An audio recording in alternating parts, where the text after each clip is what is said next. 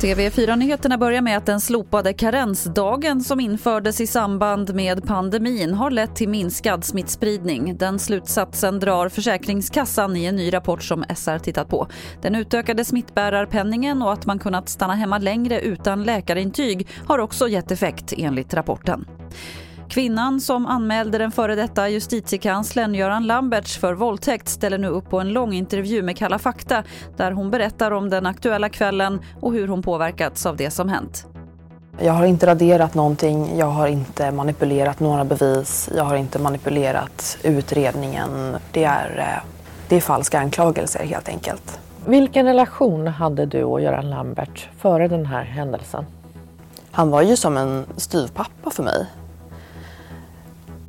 Alltså, utav mina tre nödkontakter på telefonen så var han en utav dem.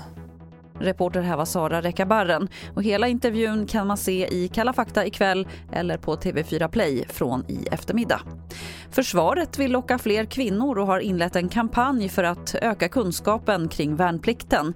För att kunna nå målet med en fördubblad krigsorganisation till år 2030 så vill försvaret se en fördubblad rekryteringsbas och för tredje året i rad är unga kvinnor den främsta målgruppen för det. Det var det senaste från TV4 Nyheterna. Jag heter Lotta Wall.